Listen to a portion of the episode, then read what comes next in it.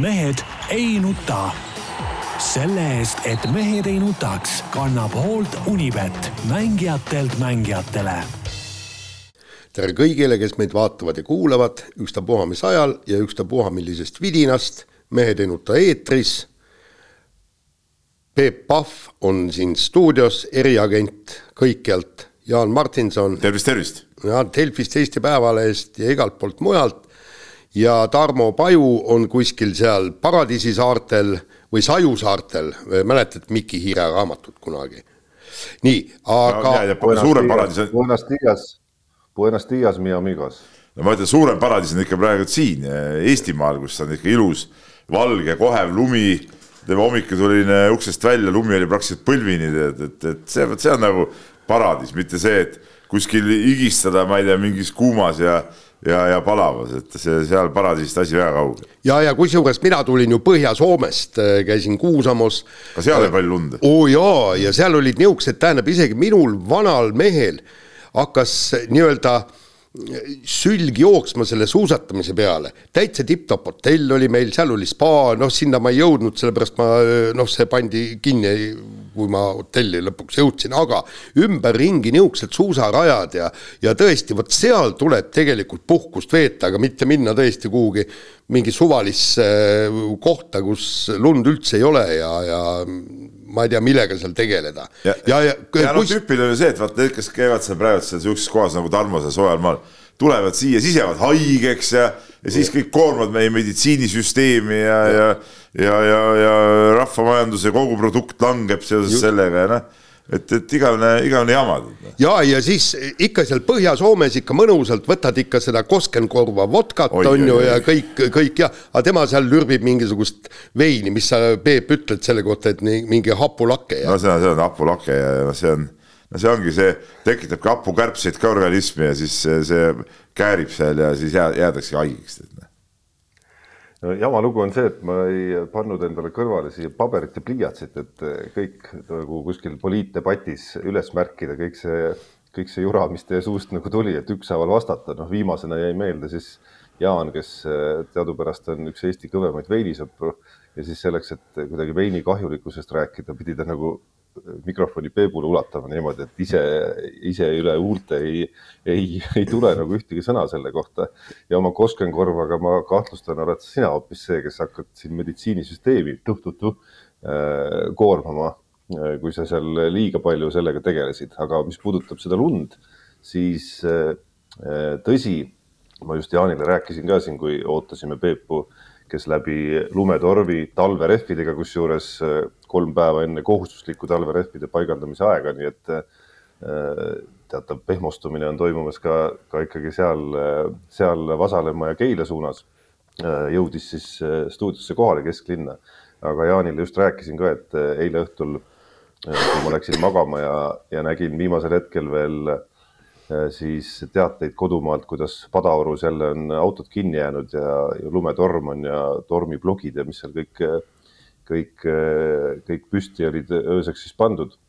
et, et vot ideaalne puhkus võiks tõesti olla see, kus ka siin Tenerife saarel tegelikult on ju üks kolm tuhat pluss mägi olemas, kus kohaliku meedia teatel siin mingi hetk sadas, sadas lund isegi siin hiljuti ja ja et ideaalne puhkus võiks tõesti olla see, kus ühel hetkel käid seal üleval suusatamas ja siis tuled alla, hüppad siia nendesse paarimeetristesse lainetesse, mida, mida Eestis kuskil kätte ei saa ja mis paneb üsna poisikesena tundma, kui, kui saad nagu seal ka möllata, nii et et peab seda ideaalkohta veel otsima nagu näha, sest need suusarajad, mis ma juba näen Eestis ka olemas on, need tekitavad teatavat kibelust küll ja päris suurt no ütleme siin alustuseks ära, et, et kell on praegu kaheksa kakskümmend kaks, ehk siis me teeme selle saadet jälle linti, sest Peebul on äh, taaskord mingi mõttetu korvpallimäng ja ei Kevin saa nagu õigelt. Kevin Tumba.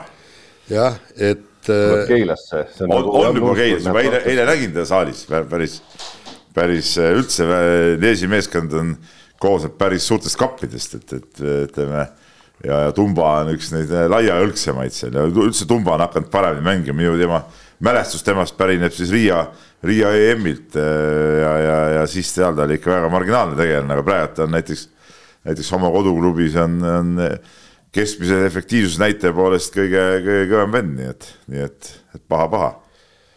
oota, kus need, kus need väliskülalised näiteks nii kõvast kohast nagu Liege üldse majutavad? No loomulikult Laulasmaa spaas. Pole, pole paha koht ju aga kuidas neil on, et äh, seal on ka ju suusarajad ja kõik, anna neile suusad kepid, las nad hommikul teevad väikse, väikse ringi ja äkki mõni lõhub ennast ära ja sul kergem jälle olla. Ivar tegi kunagi Basket TV-d, tegi, kas see oli Bamba Falliga või? jah. käis suusatamas Pirital. aga Jaan on siiski kakskümmend korvat juba hommikul joonud, ma vaatan. ei, miks? Aga mis siis on siis? ei, ei midagi ei ole, kõik on hästi, kuule hakkame nüüd saatega pihta, sest ega aega eriti ei ole. jah ja, ja meil on väga palju häid kirju, ma manitsen kohe saate algul siin, et äh, varume sinna aega. no ja rääkige korvpallist lühemalt ja siis on meil aega küll ja veel, nii. Äh, käisin Kuusamoos vaatamas äh, suusatamist ja suusahüppeid ja kahevõistlust ja Tarmoga vahetasime eile ka paar, paar sõna telefonitsi ja, ja mille peale siis, siis tõesti mul noh, täna kirjutasingi kommentaari et ega suusamaailmas ei olegi mitte midagi muutunud ja, ja noh, Tar-, Tarmo pani mulle selle hea mõtte pähe, et, et mille, millega seda kommentaari nii-öelda alustada ja, ja eks ta nii oligi, kui me hakkame kohe kahevõistlusest minema, siis Kristjan Ilves tegi tegelikult päris korraliku nädalavahetuse. oli üheksas, kuues ja neljas, poodiumi kohta küll ei tulnud, on eh, MK-sarja kokkuvõttes viies.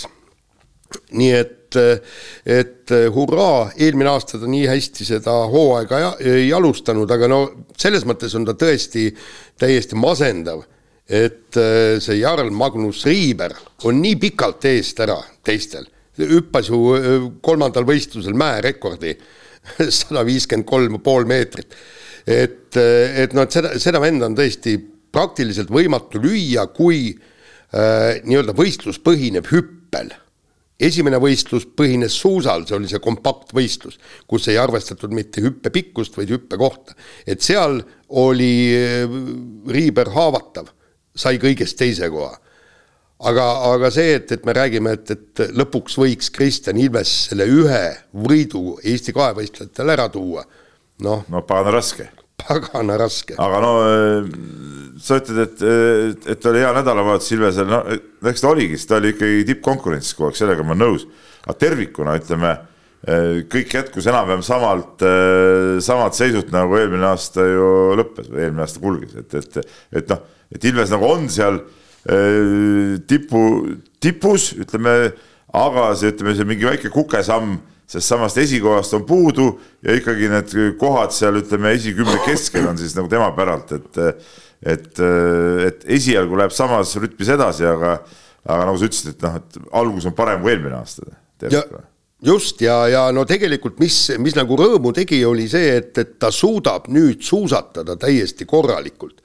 aga muidugi miinus on see, et, et ega seda lõpuspurti väga, väga ei ole, et, et noh aga ainuke asi, millest ma tahaks Ilvest nagu natuke rihmutada või on see segane jutt, mis ta sulle rääkis sellest, kuidas kuidas see tagurpidi pööratud võistlus umbes on jube põnev. et see täielik jura ju, no see, see on totaalne jura, Jaan ja sa hakkasid jõhku, õhku sisse Oota. võtmagi no,. ei, ma võtan täie... ikkagi õhu sisse, minu meelest oli see tõesti see Kunderseni äh, laupäevane võistlus, mitte midagi ei toimunud, vennad sõitsid. ei, nagu aga seal hüppevõistluses ka midagi ei toimunud, selle tagurpidi võistluses ka midagi ei toimunud. ei no aga lõpus oli vähemalt mingigi action. mis, mis action? ei no miks ei olnud? Võistlus, mis lõpeb suusahüpeteks, ma vaatan juba suusahüppeid, mitte, mitte kahevõistlust. kahevõistlus peab lõppema suusarajal, saad aru? see on nagu point ju ei no, no. see on, see on täiesti, vaadata, vaadata ja, ja kui sa suusatad ära ja sul öö, vahed on nii väiksed, et see suusasõidus mitte midagi ei lugenud, loebki ühest hüppest, siis see ei ole kahevõistlusena. ei no ta võib-olla ei ole kahevõistlusega no., ta on põnev ikka. no jaa, aga me räägime praegu kahevõistlusest. küll see kompaktvõistlus oli minu arust okei okay.. see, see oli okei okay asi, sellega ma olen nõus, aga see see tagurpidi pööratud võistlus, millest, millest Ilves oleks, oi, see oli nii põnev. võib-olla neil endal on see põnev, aga vaadata on see jumala igavene. see suusasõit on täiesti mõttetu, kõik need eh, tipud püsivad seal koos ja kui sa oled, oled, eh, oled seal koos tuled, siis need vahed on nii väiksed, et siis no asjal oleks point siis, kui, eh, kui neid punkte arvestatakse teistmoodi ikkagi, et see et see vahe oleks hüppe ajaks nagu suurem, noh, sest suusasõidukohast nagu sõltuks rohkem. siis võib-olla oleks mingisugune huvi, aga kõik sõltubki ainult ühest hüppest, no siis vaata suusahüppeid juba. no jaa, aga, aga, aga see Kundersen oli, oli, oli veel hullem ju, see suusasõidus vähemalt eesotsas mitte midagi ei toimunud. nagu ma ütlesin, meenutasin, Kalgari tuhat üheksasada kaheksakümmend kaheksa, kui vennad lihtsalt kulgesid rahulikult seal esikolmik üks ei suutnud kedagi jälitada, teisel ei tulnud kedagi selga ja. nojaa, aga tuletas meelde, et vanasti oli kahevõistlus selline, kus polnud isegi Kundersoni meetodit, vaid oli, oli, oli niimoodi, et täna hüpati, homme suusatati ja siis pool tundi peale võistlust sai teada, kes võitis kokkuvõttes. ja isegi tund, tund., ja soomlastel oli ju, ma ei mäleta, kas, kes see oli, kes tuli kas maailmameistriks või olümpiavõitjaks, oli parasjagu saunas ja siis koputati uksele, tuldi öelda, kuule, jõu, sina tulid nüüd olümpiavõitjaks, vend siis oli õnnelik seal nee., viskas leile edasi ja no mis teha. nii, Tarmo, räägi ka midagi. ma natuke, ma natuke ja ma natuke üritasin vahepeal juba sekkuda, aga, aga Peep ei lasknud, et, et. Äh, ei kuulnudki ausalt öeldes. Ilvese, Ilvese kommentaare lugedes, et, et see võistlus, mis on siis nii-öelda noh, mis talle justkui sobib siis kõige vähem, eks ole, tulemused näitasid ka seda see esimese päeva võistlus, et see oli täielik jama, eks ole, ja siis see võistlus, mis äh, mis sobib talle, kus, mis on hüppajate võistlus põhimõtteliselt, mis sobib kõige rohkem, et see oli siis äge, on ju, et, et niimoodi olid ka tema eelistused, on ju. aga okei okay,, ta ei pidanud siiski vist ainult silmas iseenda nagu eelistust, aga, aga seda nagu põnevuse osa ka. tõsi jah, et, et selle viimase päeva variandi, selle ümberpööratud asja annaks ju äh, esimese päeva võistluse eeskujul muuta ka natukenegi huvitavamaks sellega, et sa näiteks seal ka siis kohtade järgi äh, vahet ei ole, mismoodi see suusasõit, mis sekundite vahega see lõpeb, enamasti grupi finiš, et sa siis äh, nii nagu esimesel päeval sa tekitad selle, et äh, et hüppevõistluse esimene kaotab teisele kuus sekundit, eks ole, järgmine nii edasi, nii edasi mingi vahega, siis, siis suusasõidu puhul ümber pööratud võistluses samamoodi, et vahet ei ole, et sa edestasid näiteks null koma kaheksa sekundiga, sa paned sinna ikkagi mingi vahe, mis tähendab, et sa pead hüppemäel näiteks poolteist meetrit rohkem hüppama, noh, mingi sellise asja ja siis nad ei hüppa päris ühelt joonelt seda, nii et niimoodi saaks selle ju selle ju noh, niimoodi, et see suusasõit seal alguses maksaks nagu natuke rohkem ikkagi ja, ja tegelikult selles mõttes ta oligi absurdne, et põhimõtteliselt te äh, esimest ja kümne, äh, kümnendat äh, lahutaski vist mingisugune meeter või no. räägingi, jaa, no see ongi. aga üks võimalus on veel, kuulge, toome poolenisti kasvõi siis selle vana kahevõistluse tagasi ja las nad panevad seda kümme kilti eraldi stardist siis tulevad vahed küll sisse, vabandage väga. enne suudavad kümme eraldi stardist ja siis hüppavad. no see on teine asi, see on teine asi, jah. Siis tulevad kindlasti vahed sisse, praegu jutu point oligi see et see suusasõidust ei sõltunud mitte midagi, noh, see on, see on mu jutu point. Noh. ja ei, täpselt, no selles mõttes ma ütlesin ka, et, et las igaüks teeb, tähendab, ühesõnaga äh, iga vend peab tegema hommikul ära suusaringi kümme kilomeetrit, ise vaatab, millal sõidab, millise tempoga ja siis. ei, see millal, see on ka jura, no ta peab ikka. ei no jaa, aga see. ikka nagu päris suusavõistlus, noh, kolmekümne sekundi tagant ja, ja annab minna. ei, selles mõttes küll jah ja, ja. ja.. nii. aga noh, üldiselt ei maksa sellest, et see ainus nii-öelda klassikaline võistlus oli nüüd igavam, ei maksa nüüd sellest ka liiga suurt numbrit teha, et üldjoontes on, on nende punktisüsteemidega need klassikalised kahevõistlused läinud ikkagi oluliselt tasavägisemaks ja põnevamaks, kui need olid Allar Levandi ajal, kus need, kus need vahed olid ju kaks hüppevooru ja, ja noh, siis olid tõesti kolm hüppevooru. jah, vanadel aegadel veel kolm, eks ole et, et noh, seda grupisõitu ja kõike seda on ikkagi üldjoontes päris palju näha. Lihtsalt see Jarl Magnus Riiveri ülekaal on selline, mis kipub tihti selle esikoha konkurentsi tegema selliseks, et jah, võib-olla liiga palju vaadata ei ole ja mis suut-, saate alguse juurde tulles, siis on nagu päris suur traagika põhimõtteliselt kõikidele, kes on sattunud Riiveriga ühel ajal nüüd siis kahe võistluse tipus olema.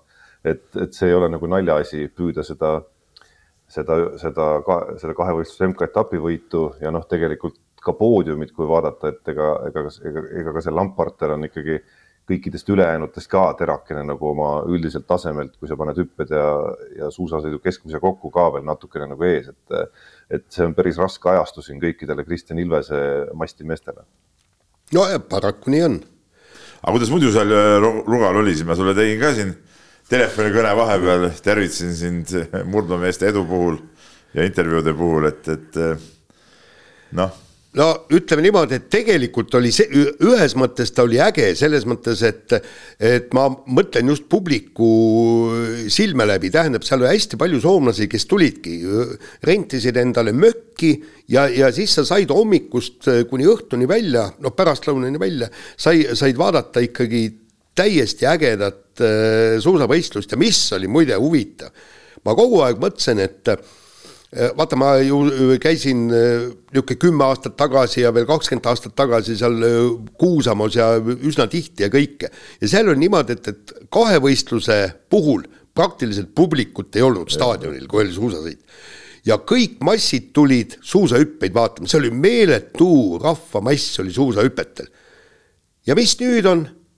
inimesi on kahevõistlusel oluliselt rohkem kui suusahüpetel, aga põhjus väga lihtne soomlastel ei ole suusahüppeid. ei ole see kahevõistlus nüüd ka väga palju rahvast polnud, nagu ma ETV jutust aru sain. ei, palju ei olnud, aga äh, tribüünid ei olnud tühjad, aga kus oli mass koos, oli muidugi äh, murdmaa, murdmaa, Ivo Niskanen, eks. ja mis murdmaast äh, rääkida, siis noh ega noh, meilt võttis ju Martin Imma võttis need punktid ära ja kahjuks nii Marko Kilp kui ka Johannes Alvar Alev said vist kolmekümne esimene koha mõlemad. et punktid jäid võtmata, aga no tahaks natukene seda arengut, et, et, et, et näha, et ühel hetkel nad võiksid sõita sinna esikümnesse. peatreeneriga intervjuu tegid või? ei teinud, ma ei, isegi näinud teda staadionil, aga, aga ei, mul on ju eetrikeeld, nii et ma, ma ei mäleta. suunatud küsimus, jah ja, ja ei, seal on veel nii, aga, aga no vaatame, vaatame, see te, tegelikult see Alev ütles, et tal on minek päris hea, oli kahekümnes kildis, ta on just pikema distantsi mees, aga ütles, suusad olid ikka täiesti pekkis. Ja kusjuures jutt ei käi mitte määrimisest. Ja, ja see on nüüd see, floorimäärded läksid ära ja mida nad räägivad, kõige suurem probleem ongi see, et, et märksa rohkem sõltub suuskadest.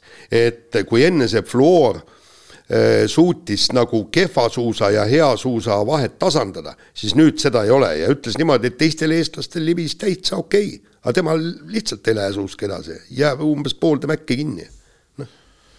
nojah, seda on nagu raske hinnata, ma ise mõtlesin selle peale, et et äh, okei okay,, need äh, fluormäärded olid sellised, mis, mis lasid noh, tekitasid ülihea libisemise ja niisuguse kergema sõidu, et et nüüd peab lihtsalt kõik sportlased rohkem tööd tegema ja võidab ikka see, kes on kõvem mees. ei no absoluutselt. no nii ongi lihtsalt. et ma seda kriitikat selle keelustamise suhtes nagu väga ei, väga ei, ei julge jagada. ei no aga seal ongi, see tuleb no selle, lihtsalt. no selle vahega, selle vahega, kui see hakkab tõesti nagu noh, ütleme siis nagu lotot või mitte, see ei ole isegi loto, eks ole, et see suusapark, millele Jaan viitas, on ikkagi väga otseses seoses ju, ju selle nii-öelda konkreetse koondise või sportlase rahalise võimekuse või või mis iganes äh, suhetega. Neil on tekkinud suusatootjatega, et äh, see on ju see nüanss, noh, mis natuke nagu tehnikaspordi äh, nii-öelda osa võib-olla kasvatab selles suusaspordis natuke omamoodi tagurpidi moel mõnes mõttes, et võiks ju esimese loogikaga öelda, et läheb kõik võrdsemaks, aga, aga võib-olla just läheb hoopis ebavõrdsemaks.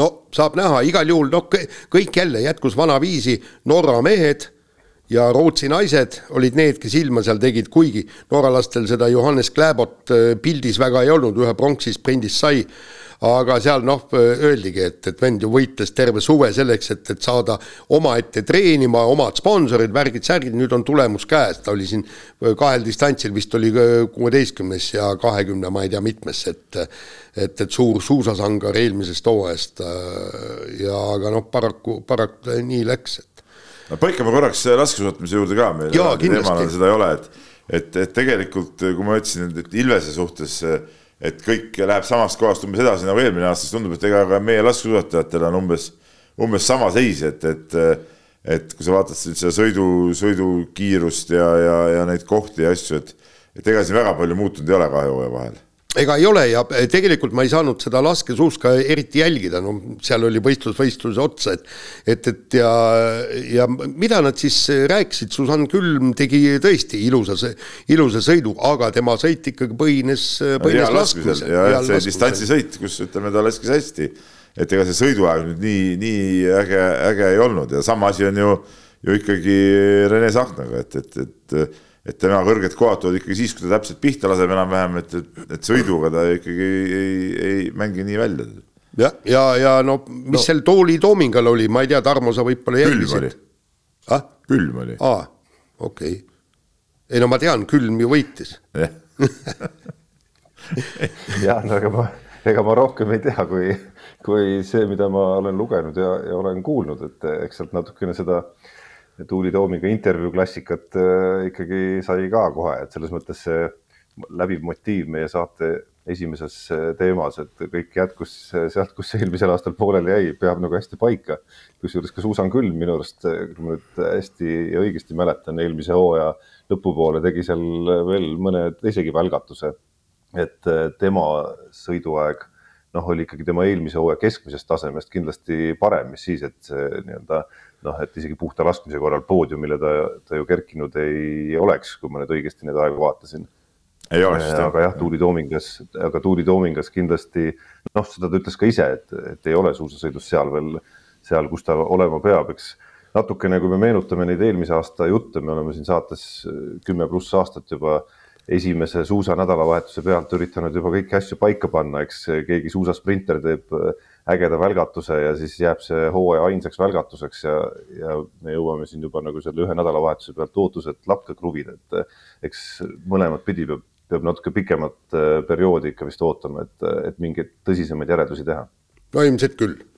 nii, aga läheme edasi. aga jah, mingit, aga jah, aga jah, ütleme sellist, kui ma vaatan ka Sutsu kõiki seda laskesuusakoondise nagu üldtaset, siis jah, esialgu ei paistnud seal, et keegi oleks nüüd mingisuguse väga suure sammu ettepoole teinud, noh, Kristo Siimer on äh, noortest see, keda ma väga teraselt äh, ootan ja ootan kogu aeg.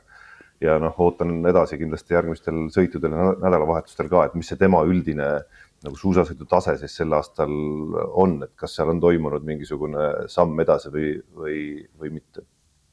Nii, aga lähme edasi järgmiste teemade juurde ja, ja vehklemine on meil ikka nii-öelda tulipunktis ja, ja ega siin enam jaburamaks äh, asjad minna ei saa, et, et see, kuidas äh, Tokyo olümpia edu on vussi keeratud, on, on ikka käsitlematu ja nüüd äh, Katrina Lehise, Nikolai Novosjolovi ja siis vehklemisnaiskonna peatreener Kaido Kaaberma vaheline tüli on nüüd jõudnud sellisesse seisu, kus siis uue, uue sammuna Katrina Lehis teatas siis eelmine nädal, et, et ei esinda äh, naiskonda. Vancouveris vist toimub see MK-etapp. Vancouveris toimuval MK-etapil ja, ja, ja see on nagu sisuliselt otsustava tähtsusega MK-etapp, et siin on vaja punkte võtta, et üldse olümpia lootus äh, kuidagi säiliks aga, aga ütleme, need suusad on ikkagi, ikkagi nii risti ja ma ütlen nüüd ausalt, ega siin on, siin on nagu raske, raske isegi ütelda, et, et, et, et kes on siin mustem, mustem lammas, kes, kes, kes valgem, et, et ega seal on ikkagi mõlemad, mõlemad pooled äh, ei ole teinud nagu midagi selleks minu arust, et, et see asi kuidagi korda saada ja, ja et see võistkond oleks äh, oleks olümpiale pürgimas kuidagi ühtse, ühtse kollektiivina. ja no paraku on ja mäletad, kui Tokyo olümpial pärast seda küsiti, et mis oli selle öö, olümpiavõidu alus. Mäletad, Katrin Aleis oli ka üks nendest, kes ütles, meil oli väga ühtne naiskond ja, ja, ja tegelikult siin, siin noh, jällegi ma mõtlen, et ma mul tuleb meelde need ammused ajad, kui olid, äh, oli kaks leeri, oli äh, noored ja vanad oli Eesti koondises, see oli mingi kahe tuhande. see oli see Heidi Rohid ja, ja. jah, just ja, siis äh, noori esindasid. Aleksejeva ja Embrich, eks. ju, ja kui nad praktiliselt omavahel ei suhelnud täiesti, no suusad olid nii ristis, kui olla saavad. Läksid vehklemisrajale, seal tegid oma töö rahulikult ära ja, ja tõid seal ju medaleid ka maailmameistrivõistlustelt ja kõik, et, et tegelikult siin noh, tähendab, minu arvamus on, et tõesti, mine ütle sellele peatreenerile, mis sa temast arvad, saada ta sinna samusesse ja, ja mine vehklemisrajale, näita, näita ennast. et kes sa tegelikult oled, aga noh, ma ütlen veelkord, et siin nagu ikkagi tegelikult kõige suurem süü, ma ei räägi nüüd nagu siin ütleme Kaabermaa ja, ja ütleme Novosjolov Lehise leeridest, vaid kõige suurem süü selle asja äh, mitte lahendamises on ikka alaliidul. kokkuvõttes on ikka alaliidu asi ikkagi, mis, mis, mis kuradi jura te seal ajate, presidendid, peasekretärid, mingisugune märksa veel, mingisugune mingi müstiline kuju seal, eks ole, tead. Ei saagi aru, mida ta seal täpselt teeb, mõistust on peas, kurat Ei no jaa, aga- kuule, ei no kuule, nad, nad on seal selleks, et selle ala eest seista, et see ala oleks tugev, aga praegu nad ju saevad ise kahes käes on te- tead need eh, Druzhba kaks saed ja tõmbavad igalt poolt läbi, tead näe. Et Peep- mitte midagi nad ei tee ju, mitte midagi nad ei tee. nõus, aga pane nüüd ennast kas presidendi või peasekretäri rolli. muidugi ja, pane. mi- ja mida sa teed? kurat, enne siit toast keegi välja ei lähe, kui see asi on klaar, eks ole, on teid kinni siia, vett ja leiba ainult ja olete nädal aega mul siin, tead näe. ei, muide, täpselt, täpselt nii oli. ma ei mäleta, kes see oli, see oli see Soo-, Soome Suusaliidu peasekretär oli Ja kunagi tuleb teha. legendaarne vend. aga kui endal mune ei ole, siis ei suudagi teha midagi. ja, ja seal oligi, soomlastel oligi konflikt ja seal oligi niimoodi, et vend kutsus kuhugi, läksid mökkisse, võtsid hunniku õlut ja koskenkorvad kaasa. Vend keeras ukse lukku, ütles enne ma seda ust lahti ei tee, kui me oleme kõik asjad paika saanud. võtame sauna, magame, joome õlut ja vodkat, aga istume siin kolm päeva, neli päeva, viis päeva enne, enne No siit välja ei saa. ja, panna. ja seal, seal oligi, ega seal ühest päevast piisas. jah, täpselt nii tuleb mis ühest päevast, mis ühest päevast, ma siin nädalavahetusel alles äh, vaatasin üle äh, esimese osa siis äh, Peep Pahvist ja, ja Keila korvpallimeeskonnast tehtud äh, dokfilmist ja seal, seal pole isegi mökkit vaja, seal on Keila linnavalitsuse hoone näiteks on, ma usun, et Peep on valmis sebima selle ära, kui, kui nad paremat kohta ei leia. ja kui neil endal ei ole siis äh, neid inimesi, kes kuidagi nii-öelda selle ukse lukku paneks, siis Keila linnapea Enno Fels, ma loodan, et ma nimes ei eksi praegu, ja, ja korvpalliliidu president Priit Sarapuu, ma usun, et äh, ulatavad abikäe ja ajavad selle seltskonna ise kokku siis, et, et noh kui ise ei saa, siis ma usun, et need kaks meest võivad teenust hakata pakkuma edaspidi, et need pooled siis kuidagi ära lahendada. nojah, aga ma ütlen jaa, aga no, ebareaalne on see, ebareaalne on see vehklemise liidu asi ja, ja, ja seda on nagu võimatu mõista nagu, millega need eh, mehed seal tegelevad, noh, arusaamatu, täiesti. No aga no mis puudutab nüüd, mis puudutab nüüd nii-öelda lihtsale kõrvalseisjale nüüd noh, te olete selles infos ja, ja suhtluses asjaosalistega rohkem sees kindlasti. Seda nii-öelda nagu seda muljet, mis nüüd nagu avalikkuse jaoks jääb sellest viimasest sammust, kus Katrina Lehis on see, kes ütleb, et okei okay,, ta ei tulegi koondisse, et nädal tagasi või, või poolteist tagasi me rääkisime teistsugusest loost, kus, kus Lehisel justkui noh, tema vormi vaadates ja, ja mingist hetkest, kui ta on seal reitingu top kahes, tema nii-öelda nagu edetabeli kohta vaadates on täieõiguslik äh, õigus olla seal naiskonnas ja jutt oli sellest, et võib-olla siis ka ei võeta veel ja hakatakse nõudma, et ta tuleks laagrisse. et siis nüüd selle sammuga, et ta teatab ise, et ta ei tule, on minu arust see pendel läinud tõesti selliseks, nagu Peep ütles siin alguses, et noh, et ühed mustad mõlemad, et, et äh, selle sammuga minu arust Lehis äh, või Lehise Leer koos Nikolai Novosjoloviga noh, lükkas, ma ütleks niimoodi nagu üldpildis selle asja nagu enda vastu ikkagi rohkem, kui, kui see oli enne. pigem no, oli nagu ütleme nende, nende, nende poolt võis nagu Just. pigem nagu vaadata seda, et, et tõesti siin nagu nöögitakse, eks ole, aga aga praegu. just, aga nüüd enam ei saa, nüüd nii ei saa vaadata enam, Ei nüüd saa, jah. nii enam vaadata ei saa. ja üks asi, nüüd ikkagi ma vaatan seda nii, et mis asja, et, et ma tahan sind võistkonnas näha ja, ja sa ütled ise ei, et, et nädal tagasi oli jutt vastupidi, et näed, sa tahad vehelda naiskonna eest, aga, aga sulle öeldakse ei. ja aga, aga seal äh, jäetakse paar asja nagu äh, kõrvale. Kaido Kaaberma kolm korda kolmel või ehk siis kolmel võistlusel võttis Katrina Lehise naiskonda, kuigi tal ei olnud äh, noh, selleks mingit nii-öelda õigustust, kuna ta oli seal edetabelis nii madal, madalal. Ja, ja Katrina Lehis tuli, vehkles mõnel võistlusel paremini, mõnel kehvemini Äh, siis äh, Kaido Kaaberma ei olnud ühe, ühe korra äh, tema vehklemisega rahul, ütles selle välja. ja siis jättis Katrina Lehise üks kord välja. ja sellest oli siis nii, nii suur solvumine. et, et, et noh, ma, ma ei leia, et see oleks õige. kolm korda võeti sind ju naiskonda, kõik oli korras. Ei muidugi need solvumist on muidugi alla neelatud, see on nagu sihuke, sihuke lasteaia plikade ja poiste teema, et oi, ma olen nii solvunud, ma ei tea nüüd seda, teist või kolmandat, see on, see on jama. noh. Va, vaatame, vaatame Vancouveri ära ja vaatame, mis seal tulema hakkab ja siis lähme edasi, nii räägime. BC Kalev Cramost euroteekond lõppes, kuigi võideti siis see viimane mäng, millesse ma ei uskunud, ma mõtlesin, et saavad selle niikuinii lutti, aga, aga no võitsid, aga noh, võitsid tühja. edasi ei pääsenud ja mis siis nüüd on, järgmine siht on siis Eesti meistritiitel või? no järgmine siht on ilmselt Eesti-Läti liiga meistritiitel, kuigi nädalavahetuse seda Prometeiga mängu vaadates äh, seal midagi lihtsat ka ei ole, aga aga no tegelikult äh, Kalevist on natuke kahju, et see hooaeg jäi neil ikkagi selles euro, euro mõttes äh, kuidagi nagu poolikuks või noh, et kõigepealt see noh, okei okay,, Champions League'is seal kukkusid kohe välja, siis nüüd selles Fiba Eurocupis alagrupist üks võistkond kadus ära, mänge jäi kuidagi väheks, said mingi neli, neli mängu noh, see ei ole nagu täisväärtuslik mingi eurohooaeg, et, et Kalev Cramo-sugune meeskond kindlasti väärinuks ka eelmise aasta taustal nagu sihukest nagu natuke tummisemat äh, välis äh,, välismängude hooaega. No aga võida alagrupp ära ja lähed edasi no, ja mängid vaata, edasi no.. olgem ausad, ega, ega nad sattusid ka ikkagi päris, päris kõvasse alagruppi no jaa, aga no vabanda. ära hakka ajama. kuule no,, kuule, kas, kas on veel midagi. madalamat, mängige siis veel madalamas liigas, kui siin ei suudeta läbi lüüa.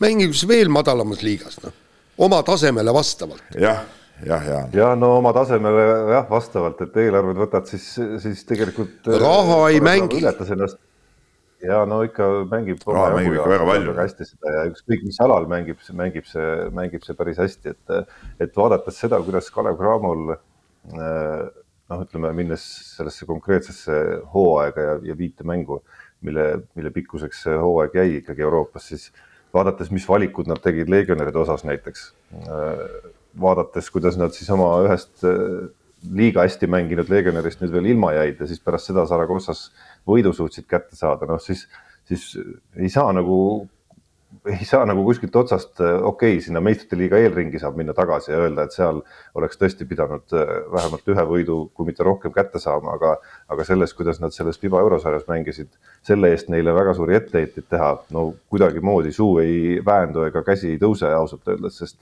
sest minu arust nad ületasid ennast selles, selles miniturniiris, et ei olnud neil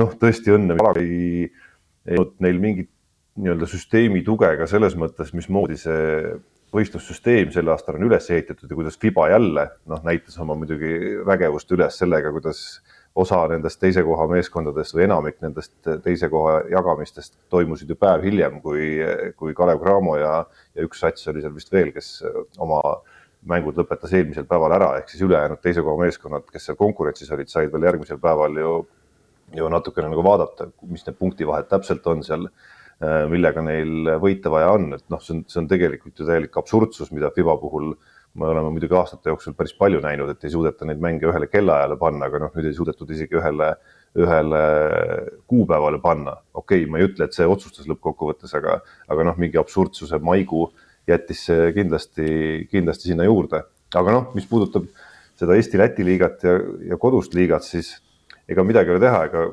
Kalev Cramo ikkagi peab vist nõustuma, et äh, vajab mingisugust ümberkorraldust, et, äh, et nad ei ole oma valikutega ju täkke pannud selle hooaja algul, ma ei tea, mis on nende võimalused neid ümberkorraldusi teha seal, mõtlen legionäride peale eelkõige äh,. olen Heiko Rannulast aru saanud viimaste päevade intervjuudest, et vähemalt üks, kui mitte kaks neid tuleb, et eks see tänane vastane Riia VEF on mõnes mõttes nagu eeskuju saab olla vähemalt, kui vähegi võimalusi on, et neid äh, korraldusi teha, et ka nemad ju mingil hetkel olid, olid üsna augus siin hooaja algul, aga, aga tegid paar liigutust ära ja, ja on hoopis teise hoo leidnud ka Euroopas kusjuures. ja kusjuures ma just ju laupäeval mängisin VEF-iga, et, et tegelikult tegelikult pärast neid ümberkorraldusi, seal kõik, vot neil on üks välismaalane rohkem, kui üldse liigas mängida saab, meie liigas, eks ole, et seal on nagu mängust väljas ka mehi, aga, aga ütleme, need ümberkorraldused on sellele võistkonnale ikka kõvasti kasuks tulnud ja seda tõesti need euromängud ka näitavad. ja sellega ma olen nagu Tarmoga nõus, et, et Kalev Cramo tegelikult oma, oma selle koosseisu ja, ja, ja nende mängude ja asjade poolest võib-olla noh, sihukest eelmise aasta noh, ülipositiivset äh, seda sihukest pilti nagu välja, välja ikkagi ei andnud. aga, aga, aga ma ütlen, et, et äh, vaatamata sellele nagu kahju, et see, et see eurohooaeg on nii lühikeseks, noh, et see on nagu, see on nagu väga kehva tegelikult väga kahju jah, sest noh, aga noh, teisalt jällegi ja noh, Jaan võib öelda, et see on vabandus ja lõppkokkuvõttes ongi vabandus. ega, ega neil ei ole, neid ei ole kaks hooaega järjest, me räägime küll madalamast eurosarjast, aga kaks hooaega järjest ei ole neid ju mingisugune loosiõnn küll hellitanud, et kui hakkad vaatama, mismoodi need paremad teised kohad seal siis selgusid, siis noh, loomulikult ülikasulik oli, oli selline ala, alagrupp, kus see kolmas sats on siis võimalikult nõrk, et sealt saada siis parimal juhul kaks kindlat võitu või halvemal juhul ühe napi kaotuse ja teise väga suure võidu, et see korvide vahe siis kõrgeks ajada. ja noh, siis kui, kui Kalev Cramo pidi edestama Prindisit ehk Itaalia meistriliiga klubi, siis siis seal oli gruppe, kus, kus see kolmas oli Kosovo, Kosovo või Küprose sats näiteks, et noh, et äh, objektiivselt vaadates olid nad päris raske väljakutse ees ikkagi ja see oleks võinud veel raskem olla, kui see Iisraeli sats muidugi oleks ka sinna jäänud, et selles mõttes muidugi väike tasandus tuli teistpidi. nii on, aga lähme nüüd edasi, Tarmo lemmikvaldkonda ehk põrinate maailma ja, ja eks siin ka rallimaailmast ja üldse autospordimaailmast neid uudiseid aasta lõpus nagu alati tuleb, tuleb päris palju ja, ja, ja igast intervjuusid ja asju ja Ott Tänak siis meie Eesti vaieldamatult äh, parim, parim roolikeeraja äh, ühes intervjuus äh, pahandas siis WRC süsteemi ja FIA-ga ja, ja ütles, et see Kalle Rompera nii-öelda pooliku hooaja peale taandumine, et, et midagi on, midagi on väga valesti, et sellised asjad juhtuvad. Ja, ja ja, tegelikult neid, et asjad on valesti, neid vihjeid on tulnud ju siin ikka väga paljude sõitjate poolt, et, et ongi natuke arusaamatu, mis, mis pagan sellest sarjast siis nagu ütleme, need korraldajad tahavad saada või, või, või kuhu see üldse nagu nende silmis nagu liikuma peaks, et sellest väga raske aru saada.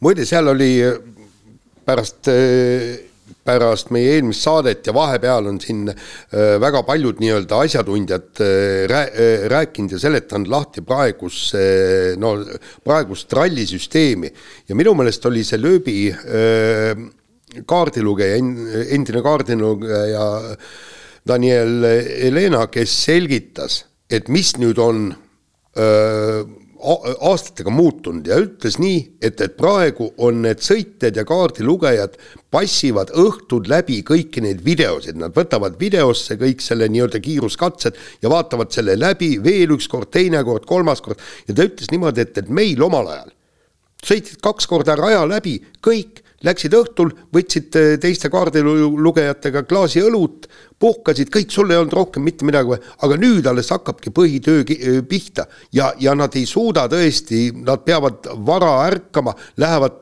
kell kaksteist või teist pool ööd äh, magama ja, ja nad ei pea tõesti, vaimud ei pea vastu, eriti noortel võib-olla meestel.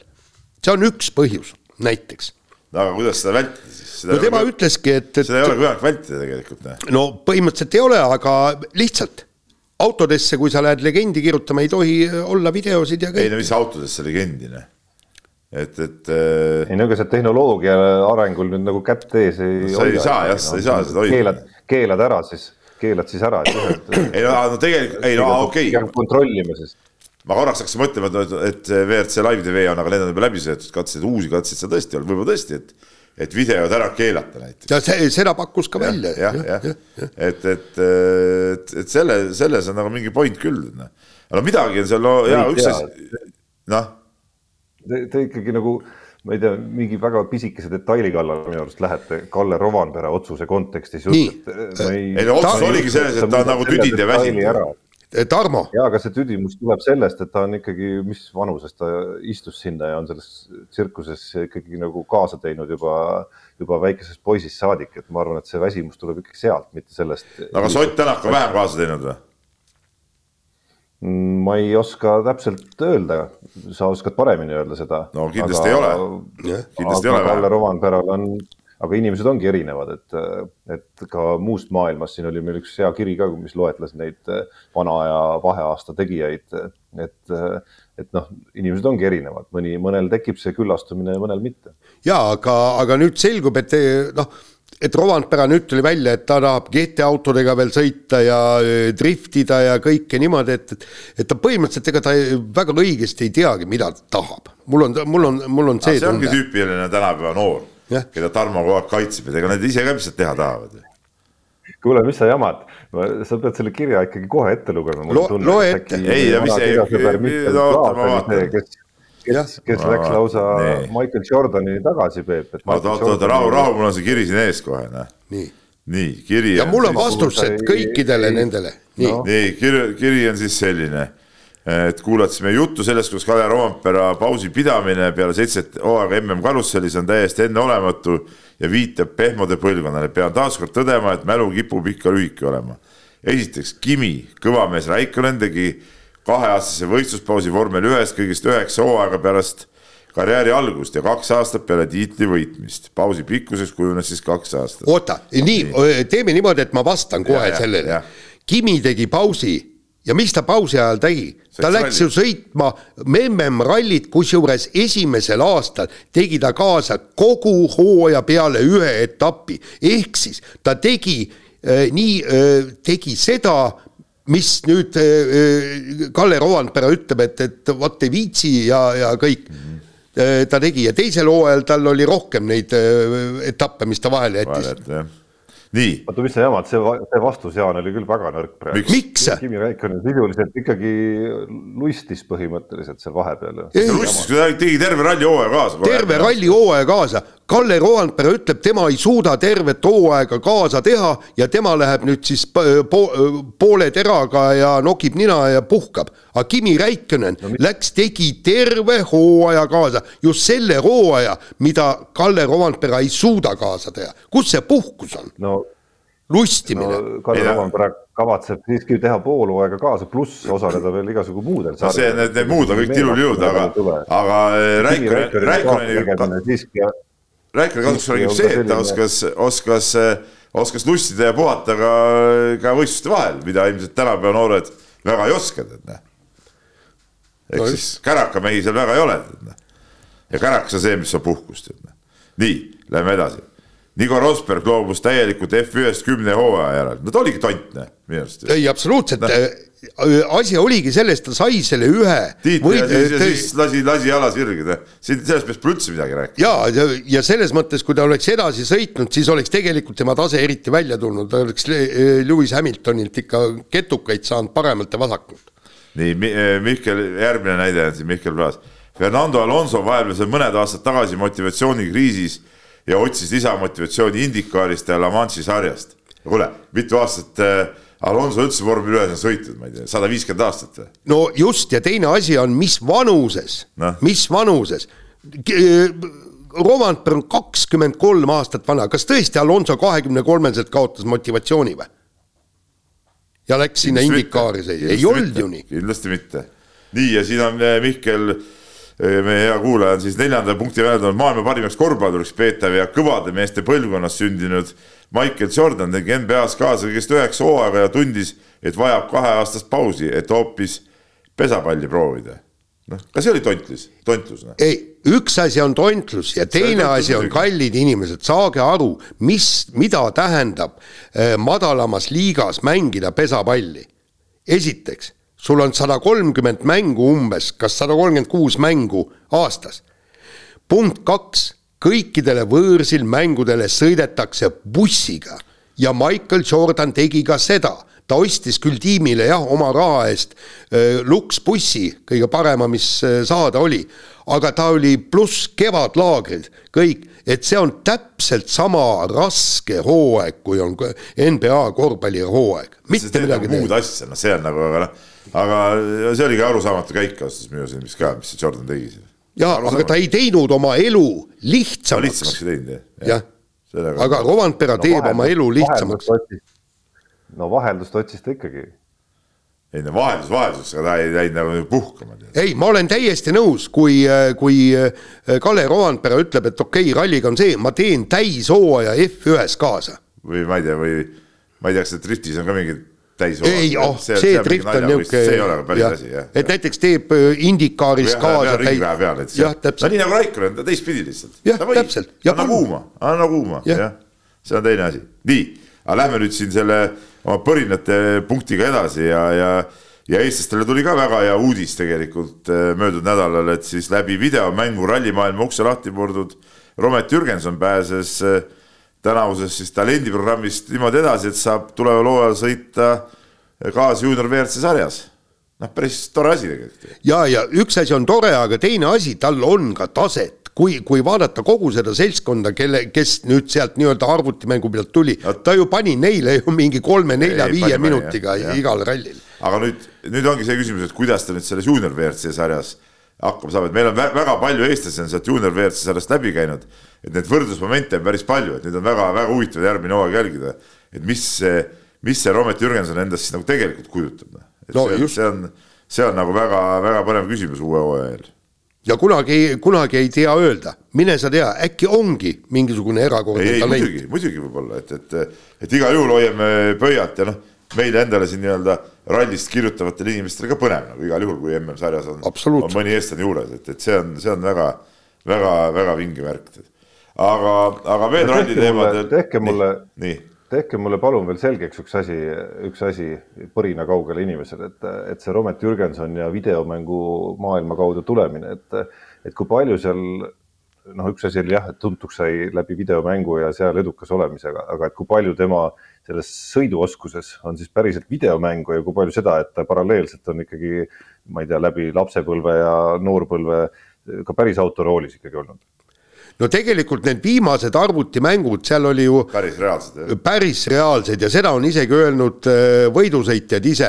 ütleb, et, et, et see ikkagi on nii, kõik see auto seadistamine, timmimine, kõik see, et, et et see, see on nagu reaalne asi ja tähendab, kõik need sõiduoskused, roolid, sa tead, kus külge ette lasta ja, ja kus kässariga äh, kurvi võtta ja kõik, kõik see on nagu loomulik ja noh, kui sa suudad selle reaalsesse ellu ka panna, noh, väga tore nii on ja siis nüüd äh, vaheuudisena äh, Rally Estonia siis tuleval aastal ERC sarjas ja tuli teade, et äh, aasta hiljem siis ületuleval aastal jälle WRC sarjas tagasi.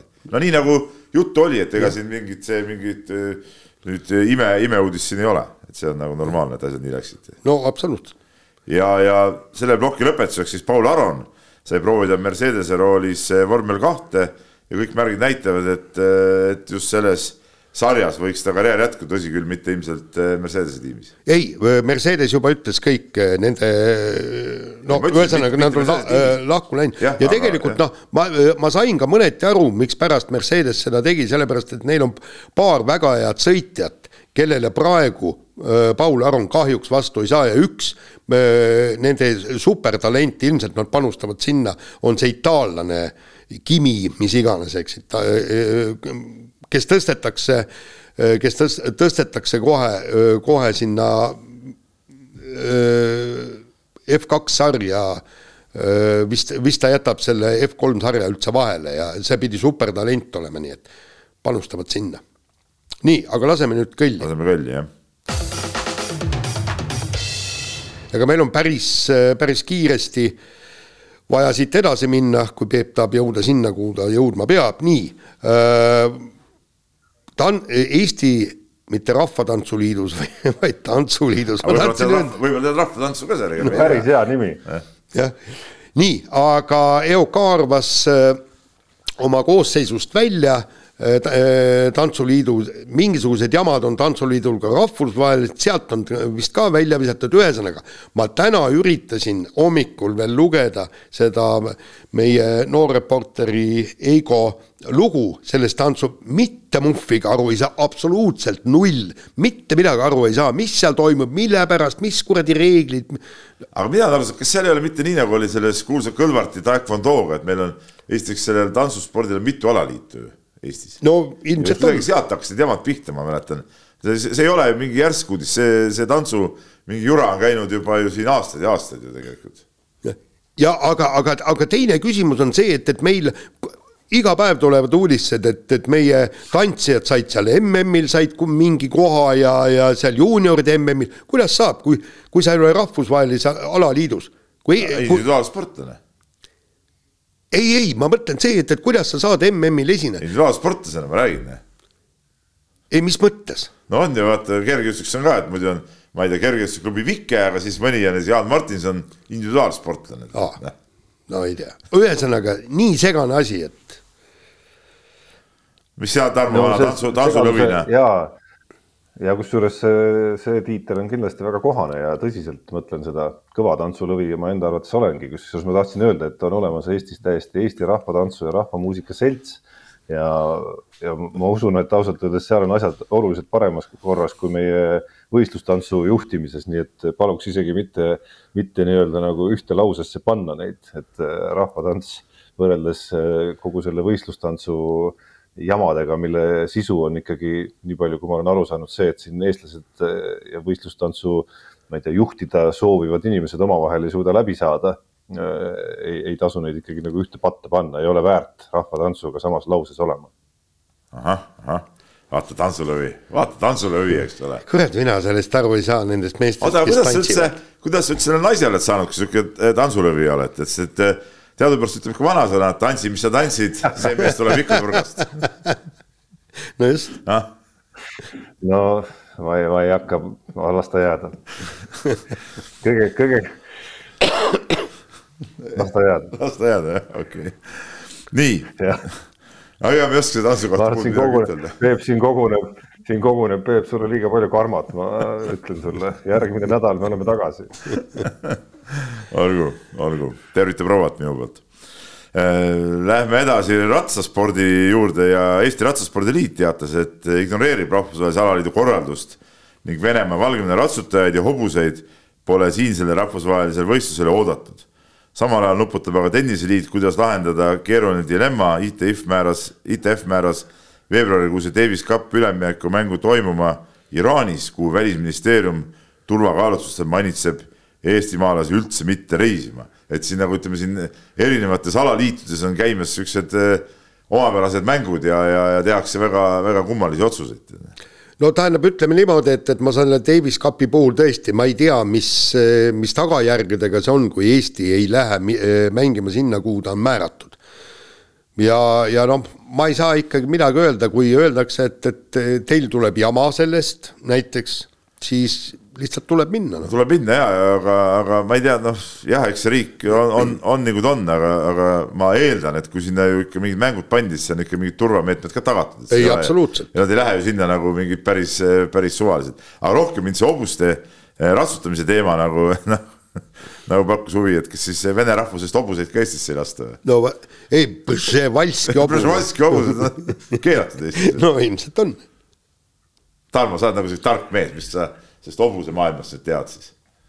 seal ka tantsivad. hobuse maailmas ma. hobused ka tantsivad. hobuse maailmas, hobuse maailmas ma ei tunne ennast üldse liiga hästi kodus, et äh, olen ükskord elus püüdnud ratsutada, see oli üsna mannetu üritus, ma ei tea, kuidas teie kogemused. Äh, mina olen äh, kaks või kolm korda üritanud ja, ja, ja üritused on sama mannetu ilmselt kui, kui sinul, sest see rütmi tabamine, ütleme, kui hobune natukenegi sellest jalutamisest nagu mingit sammu juurde paneb, siis see rütmi tabamine on sisuliselt võimatu minu arust, et seal ütleme, minu tagumik ja, ja hobune liikusid täpselt äh, erinevates rütmides ja see kokkupõrge oli päris räme kogu aeg. ei, ma just ütlesin, rütmi sa tabad suurepäraselt, aga ainult vastupidiselt. vastupidiselt, ja, ja mul on täpselt samamoodi, siis see tagumik oli ikka nii siniseks tambitud selle, sa lõpetasid küll kuidagi, et sa niimoodi hoppadi, käid sa kuidagi kaasa, aga ma ei tea, no see ei olnud nagu, see ei olnud nagu võimalik. Aga tõsiselt rääkides tahaks tunnustada, et meie Ratsaspordiliit ikkagi koos teiste Põhjamaade ja, ja meie piirkonna esindajatega veel ikkagi üritab seista õigete väärtuste eest. Ja mis puudutab seda Davis Cupi teemat, siis noh, eks lihtne on öelda küll et äh, no, et ilmselt midagi ei juhtu seal, aga ma täiesti mõistan kõiki asjaosalisi, kes päriselt ikkagi võib-olla ei taha sinna minna, et äh, piisab, piisab, kui midagi, midagi seal veidrat juhtub ikkagi ja, ja, ja sellest võib ikkagi päris keeruline olukord tulla kõigi jaoks. ja ei no selles suhtes meil on nagu selle mis puudutab seda nüüd ratsutamist, asi on ju väga lihtne, eks ole, Eesti riigi reeglid on, on sellised ja ja, ja me ei saa ka neid siia lasta, noh, et, et siin nagu mingit noh, mingit imekangelast nagu ei peagi tegema neid mitte siia, siia lubades. ja selle. no Eesti riigi reeglid, Eesti riigi reeglid teises teemas on samamoodi, et välisministeerium ikkagi soovitab mitte sõita Iraani, et noh, siis selle loogika järgi lükkab see ümber, Peep, ka sinu äh, sa, selle teema alguses kõlanud lause, et tuleb ikka minna, kui midagi teha ei ole. ei no jaa, aga ei, see. see on teine asi, noh, sinna ma arvan küll, et, et kui sinna võistlus nagu määrati, siis seal on äh, ikkagi mingid need, kui küsimus on nagu selles, et miks ei soovita minna, on ju turvakaalutlused, no siis ma eeldan, et seal, ma eeldan muidugi, ma ütlen, ma ei, ma ei ole seda uurinud ega ei tea, ei tea täpselt, ma eeldan, et seal on ikkagi äh, tagatud need, need mingid turva, turvanõuded, see on nagu teine asi, kui.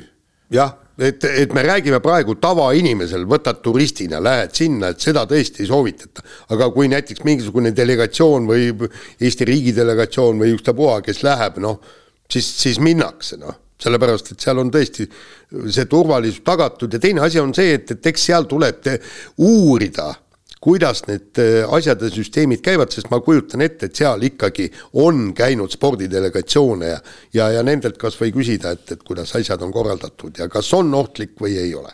nii, aga võtame järgmise teema ja kolmekümne üheksa aastane Konstantin Vassiljev otsustas karjääri jätkata. Äh, äh, ja noh, tema sõnu parafraseerides, kus on noored, kes ta kõrvale lükkaksid. no õige ei, aga ongi küsimus. Eesti liiga mõttes on Vassiljev ju, ju kõva käpik. ja on küll, aga noh, ütleme niimoodi, et tema parim, äh, parim no, enne on ammu möödas. Ja ei, see ei, ma olen nõus sellega. mängib koha välja. ju. mis koha välja, mis koha välja? ta on Eesti liiga eelmise hooaja kõige resultatiivsem mängija, ma saan aru, kui väravad ja söödud kokku panna. No..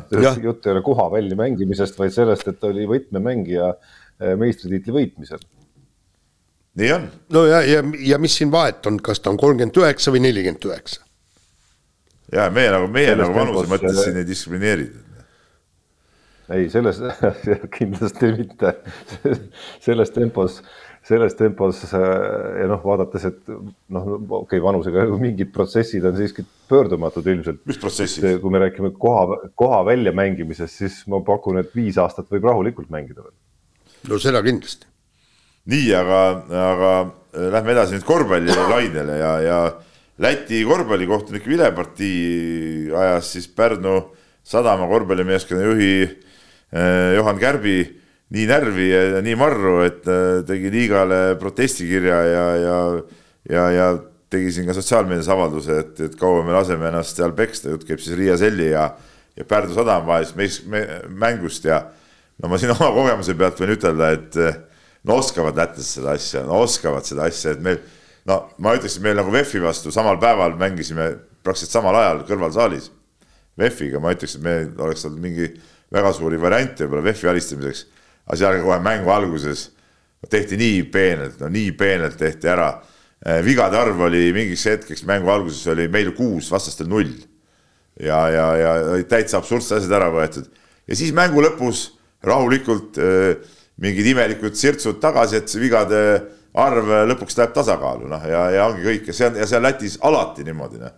Nad väga peen, ma mäletan, Liepaja mäng oli meil, jõudsime just järgi lõpu eel ja siis tuli paar sihukest sirts-sirts ja vahel jälle mingi kuus või kaheksa ja, ja ongi tehtud, et no väga-väga hästi oskavad seda. erinevalt Eesti kohtunikest, eelmine nädal käisin Valmeras, sai tehnilise vea, sai tehnilise vea, kolmest kohtunikust üks oli eestlane ja nüüd võite ise arvata kes selle tehnilise vea mulle pani aga, aga ikkagi, Peep, on huvitav see, et ma nägin ka seda sellimängu ja nägin ka mõni, mõningaid olukordi, mis sellimängu lõppu vaatasin, mitte tervet mängu. ja mingeid olukordi, mida ka Johan Kärp silmas pidas, nägin ka ja, ja tõepoolest seal hämmingut tekitas see, aga ma ikkagi olen aru saanud, et lätlaste seas valitseb täpselt samasugune arvamus selles osas, mis puudutab Eestis mängimas käimist. no see ongi absurdne, sest et Eestis on kogu aeg selline tunne, ma mängin Keilas ja mul on kogu aeg selline tunne, nagu mängiks Lätis kuskil, no kogu aeg on selline tunne. ma olen, ma olen korduvalt küsinud ka me... et, et kuule, kas me oleme nüüd Keilas või, või oleme me, ma ei tea, Ogres või kus me viibime praegu, et ma ei saa nagu enam aru, tead noh. et see vilepartii on täpselt selline äkki... nagu, nagu me oleks kuskil seal, tead noh jaa, aga Peep. me ei ole ikkagi ob objektiivsed, Peep. kuule, ma olen väga objektiivne inimene, ma olen väga objektiivne inimene, noh. ja kuule, Peep, mäletad ju, korvpalliromaanist alates on see probleem olnud, mäletad seal, ainult aeg. Eestis, ainult Eestis ja Kalevi spordihallis kestab kolm sekundit ka kolm sekundit. Gruusias jõuavad kaks korda out'i välja visata, vea teha ja siis vabavisked ka veel. Noh. no täpselt, noh. nii on lihtsalt, noh. aga ma, ma olen, olen sõber Soniga nõus. sama ei leia no lätlased. huvitav ikkagi, et lätlased, lätlastel oma arusaam on selles asjas. no nii on, nii on. vot. nii, nädal Keilas. nädal Keilas. Tarmo, küsi, sa tead asjast no. rohkem. ei no mis ma see, mustvalgel on kirjas ilusti. tükike ajalugu, Peep, on tehtud, siin on kaheosaline rubriik meil seekord, et et Põhja-Euroopa korvpalliliigas on siis Valmiera alistamisega linnuke kirjas, ajalugu tehtud, kusjuures ütleme mitte väiksem minu arust äge asi selle mängu juures oli, oli see, kuidas Kristjan Kasemets püstitas Põhja-Euroopa korvpalliliiga rekordi, kolmkümmend üheksa punkti, annab isegi ütleme. tühjas saalis visata meie, meiesugustel tühjas saalis visata isegi ettenähtud aja jooksul. et, et see, see oli, see oli ju tipp-topp, ma saan aru, Peep, et pani endal ka südame rohkem põksuma, isegi kui ma kujutan ette, et sellise nagu mängida siin Eesti-Läti liigas ja on hooajalised mängijad. sellise Kevin Tumba ja Liege'i ja mingi seda tüüpi nagu võõravastase alistamine oleks kindlasti nagu veel, veel nagu mitu grammi veel ägedam äh, tunne. ja seda küll, aga ütleme meie jaoks või, või ma noh, saan rääkida paljuski isiklikust vaatevinklist äh, on ta Valmiera või, või ükspuha kes, et kui sa selles liigas saad võidu kätte, siis see on, see on juba väga hea ja ja meie jaoks oli tähtis, et liiga juhtkond oli ka seal mängul kohal. pärast mängu vehtsisin liiga juhiga ka ja, ja ta andis igatepidi mõista, et, et, et see võit näitab ikkagi seda, et, et me oleme niisugune võistkond, keda, keda võikski järgmine hooaeg ikka seal liigas nagu näha, et me ei ole mingid suvalised, suvalised äh, peksupoisid, et, et, et see, see oli nagu hea märk ja, ja, ja selle mängu eel ka, noh, siis oli, oli nagu selge, et kui me neid oma liigas olime juba võitnud, siis siis äh, alla võidu noh, ei, ei saanudki sealt nagu oodata. Ja ma ütlesin meestele enne mängu, et meil on võimalik teha nii-öelda nagu Keila korvpalli ajalugu ja, ja, ja, ja, ja teeme selle asja ära ja, ja tegimegi ära, et selle, selle üle hea meel ja loomulikult Kasemetsa enda sooritus ka oli ikkagi, oli, oli tõesti vinge ja, ja mul on natuke isegi kahju, et ta seda, äh, meil oli veel seal üks, ühes time-out'i hetkel oli, ta küsis, et kas ta võib, võib peale panna, et saaks nelikümmend punni täis ja, ja ma ütlesin, et davai, et anna, anna kuuma, aga seal sellist äh, olukorda ei tekkinud, et tegelikult meil seal tuli hoopis, hoopis ta enda käe läbi üks algpallikaotus ja kaks pluss üks vastu ja, ja üks, üks kolmene ka veel otsa, et seal läks korraks isegi teravaks, aga, aga ei, ei, see oli, see oli vinge, vinge emotsioon ja ma ütlen, ma ütlen, ma olin, olin nagu väga-väga õnnelik ja, ja rahul pärast seda mängu. ja kusjuures hea, hea point, et see, ma arvan, et see noh, linnuke tabeliski nagu liigas mineku ja seal püsimise seisukohalt äh, tuleviku vaates ei ole üldse nagu väike asi, aga äh, nädal Keilas rubriigi teine osa. Oleks imelik, kui me ikkagi seda, seda küsimust ka ei lahendaks siin eetris, et kuidas Peep vastab enam mitte nii noor reporter Märt Roosna kirjutisele, mis ma ei mäleta, eile-üleeile mingil päeval ilmus äh, Delfi spordis, kus ta siis päris osavalt, pean ütlema, pani kõrvuti siis Peep sinu Äh, ajakirjanikuna öeldud lauseid legionäride kasutamise kohta ja nüüd treenerina öeldud lauseid äh, äh, legionäride kasutamise kohta. eks vaatasin ise ka poole silmaga seda soperdist, et mis seal ikka on, ega siis noh, niimoodi annab igast asjast kokku panna mingeid mingeid intrigeerivaid tekste ei, ei saa kõigest panna, kui inimesel on põhimõtted, siis ei, ta on põhimõtted. mis põhimõtted, mis põhimõtted, mis põhimõtted ei no põhimõtted enne, enne sa ütlesid, et, et tuleb anda omadele, omadele poistele võimalikult palju, võimalikult vähe legionäre no,. annamegi oma poistele võimalikult ei, aga nüüd sa oled kuhjanud sinna mingisugune terve karja igasuguseid võõrmängijaid ja see no., see jutt mida sa praegu räägid. ja, Jaan, aga sa pead aru saama, et ei ole võtta kedagi, noh, ei ole võtta kedagi. no aga miks, miks, miks, miks sa ei kasvata, kuule, mis meil on? kasvatamegi, meil on omad Keila vennad seal, näe, Kasemets tegi kolmkümmend üheksa punni. ei no kõik on tore, eks, aga meil on ju piiri taga mängivad ka terve, terve kari eestlasi, miks sa neid koju ei too? no sellepärast, et isegi kuskil Itaalia tugevas kolmandas liigas saavad nad rohkem palka kui siin Eestis. no aga maksa põhi. siis no., no jumala eest. no jaa, no anna raha. Miks mina pean andma? no see sa nõuad, et maksa. ei no eks see, mis ma, mis ma oskan Märdile vastu ütelda, eks need, eks need asjad paistabadki ühelt poolt ühtemoodi, teiselt poolt äh, teistmoodi ja, ja olles, olles äh, nüüd ikkagi paar aastat või teist aastat seal nüüd ütleme selle reaalse asja sees, siis, äh, siis mõned asjad tunduvadki natuke naiivsevõitu võib-olla, mida sa ennem mõeldud, noh, nii lihtsalt ongi, midagi teha ei ole. aga seda, seda, selles suhtes seda ei saa nagu ütelda, et, et, et me ei annaks nagu oma mängijatele seal võimalusi, oma mängijatele võimalusi, nii et äh, Otti too. nii, laseme kõlli. laseme kõlli, jah. Unibetis saab tasuta vaadata aastas enam kui viiekümne tuhande mängu otseülekannet. seda isegi mobiilis ja tahvelarvutis. Unibet, mängijatelt mängijatele. Nii, Unibet hakake, hakake rääkima. ei, mis, mul ei ole midagi rääkida, mul on asendusarvuti, siin mul Ikka veel, ja, ja täna. mul on ka, tead, ma, ma tahaks seda arvuti visata, tead. ma ei tea, mis, mis, mis kuradi paska on meil see toimetuse kokku ostetud, noh. eilsest päevast mingid pooled klahvid ei tööta ja ma ei tea, mingi täielik jama on. selle arvuti, mul pole ühegi teise arvutiga nii palju jama kui, kui, kui selle, selle HP mudeliga, mis, mis ka Jaanil siin on. küll, küll tulevad klahvid küljest ära, küll nad ei tööta, praegu ma ei saa panna ei alla ega üles, ei tabulaatorit, mitte midagi lüüa ei saa no.. et, et kahjuks täna pole aega sellega tegeleda ka, mul on loo kirjutamine ka pooleli, no ei saagi kirjutada korralikult, noh, ebareaalne. no ma täna, täna saan. kogu parempoolne osa, kus on need täpitähed ja mitte midagi sealt ei tule, noh. äkki oled peale midagi valanud? ei ole, noh, ükskord oli ka ja siis tulid ise tagasi, noh, aga nüüd on seal niimoodi, oli mingi, ma ei tea, pool tundi panin arvuti käima, siis tulid ise tagasi, hakkas tööle kõik.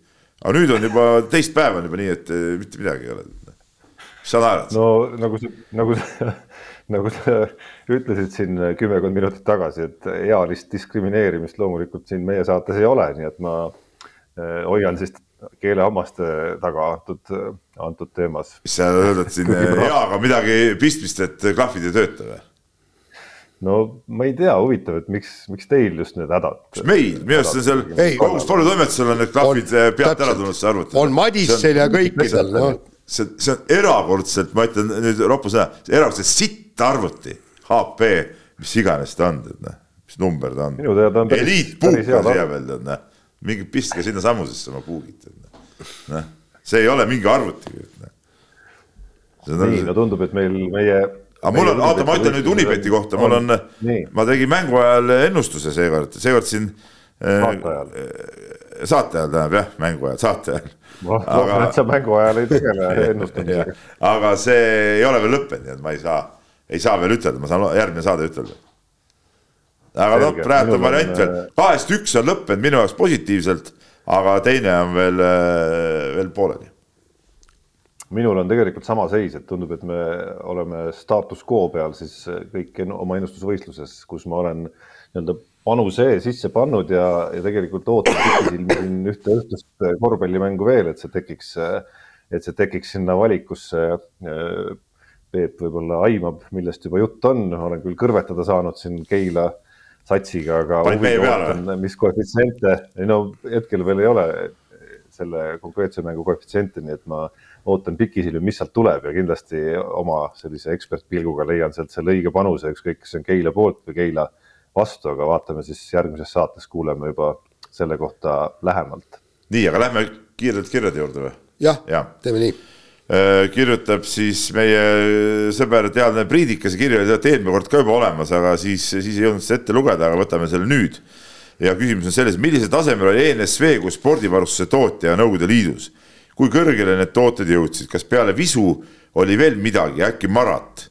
kustkohast üldse Nõukogude Liidu tippsportlaste varustus äh, pärines? no ma ütlen kindlasti üks kõva asi oli Salvo loomulikult, Salvo mäesuusasaapad, Salvo uisusaapad kas ja mitte sinu legendaarsed punased uisud ei ole ka Salvo on, on Salvo. millega sa okit mängisid. ja kusjuures okikiivrid olid ju ka. okikiivrid ja mina mäletan seda, et kunagi oli Nõukogude Liidu koondise väravaht oli, oli Mõškin, see Tretjaki sihuke nagu, nagu varuväravaht ja siis oli mingisugune eh, artikkel kunagi ilmus kuskil või ma kuskilt lugesin seda, et tema kasutas, tal ei olnud küll Salvo uisud loomulikult, aga kasutas mingisuguse Salvo uiskude mingit sisu seal oma nendes eh, okiuiskude sees. ja Mõškin oli kõva mees, tead. Ja mäletad, see, seal oli ju kunagi kui äh, käisid jälle turneel ja väravasse pandi Tretjaki asemel oli Mõskin või, või, või Mõskin mängis kuus-null Kanadat. kuus-null Kanadat. siis läks, äh, ma ei mäleta, kes see Kanada mängija oli, sellest kirjutas spordileht ja läks, võttis selle Mõskinil selle kiivri ja maski peast ära, et vaadata, et mis inimene siin selle taga on, noh, selle all on. ja püüdis kõik litrid kinni. kõik püüdis kinni. Ja aga Kuus muide oli- olid siis need äh, Tartu Potased, Tartu Potased muidugi väga kõvad asjad jah ja., ta kõigepealt vanem, vanemad mudelid olid nende paksu kannaga, vaata siukse mingi õudne kobakas oli. aga siis uuemad olid õhemad, aga nendega häda oli muidugi see, et, et kuu aega käisid, siis tald läks pooleks. ta ja tald lagunes ära jah, et see oli nagu, aga, aga muidu need eksperimentaalketsid, mis, mis aga need ei enne olnud Eesti omad muidugi. ei, veel vanemad veel vanemad, kas need ei olnud ikkagi Eesti omad, tähendab, need eelmised eksperimentaalid olid vaata need valged, eks ju, aa, need olid mingid Põhjala ketsid olid. Põhjala Jah, eksperimentaalid jah, jah, just, just, ja ja need olid üle liidu, need olid kõvad ja, ja, asjad. ja.. aga, aga Nõukogude Liidu spordivarustus, vaata nendel mingi, mingi vene adid olid ju ka vaata olemas, mis oli ju, sihuke sportlaste hulgas liikus, vaata siuksed õhukesed allaga suhteliselt madalad siuksed. aga see oli mingi vene Adidas oli see ju. ei, see on minu meelest ta Tšehhi või ei, ei. ei, ei ta, ta, ta ta oli ei olnud ikkagi, õige Adidas ju. ta oli ikka mingisugune. ei, ei ta, ei ta oli ikkagi päris Adidas, tähendab, ühesõnaga ma räägin, kui me mängisime öö, seal paganama liidus seda pesapalli, Ameerika pesapalli, siis olime, me, meie olime ju ka konkurentsis ja seal oli niimoodi, et, et eliitalad ehk siis öö, korvpall, võrkpall ja eliitsportlased, nemad said varustust kaks korda aastas.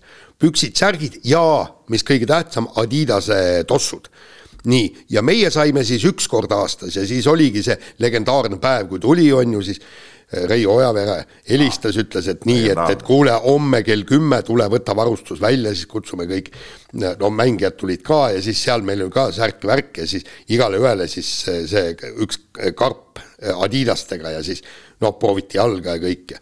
oli sporditehtedega jalutati niisama linna peal. Ja ei, ei, ei muidugi, noh, ei olnudki vaja sellega sporti teha, aga ja meil oli hallid Adidas, ma mäletan, et sealt ta tuli ja siis Kalevi legendaarne dress villane. ja villane Kalev. see oli kihvt, kihvt dress ja, jah. nii et midagi üht-teist nagu oli ja aga väljamaalt tuli kõik see aga jah, põhikäik. jah, jah, seda küll. nii, no sina. mina lapsepõlvest ikkagi, see oli, see oli, Priit oli maininud selle kirjas ka ära, Marati, eks ole, et äh, ma kiirelt guugeldasin siin ja leidsin, et Marati tegelik ajalugu on juba Eesti Vabariigi ajast siiski, aga, aga noh, mina mäletan neid lapsepõlvest ja, ja, ja selle firmamärgi puhul on huvitav, et äh, minu arust Marat sellist äh, või täitsa korralikku nii-öelda nagu taastõusu tegemas, et et mul endalgi garderoobis täitsa on äh, Marati tänaseid nii-öelda tooteid olemas, täitsa, täitsa ägedaid asju teevad.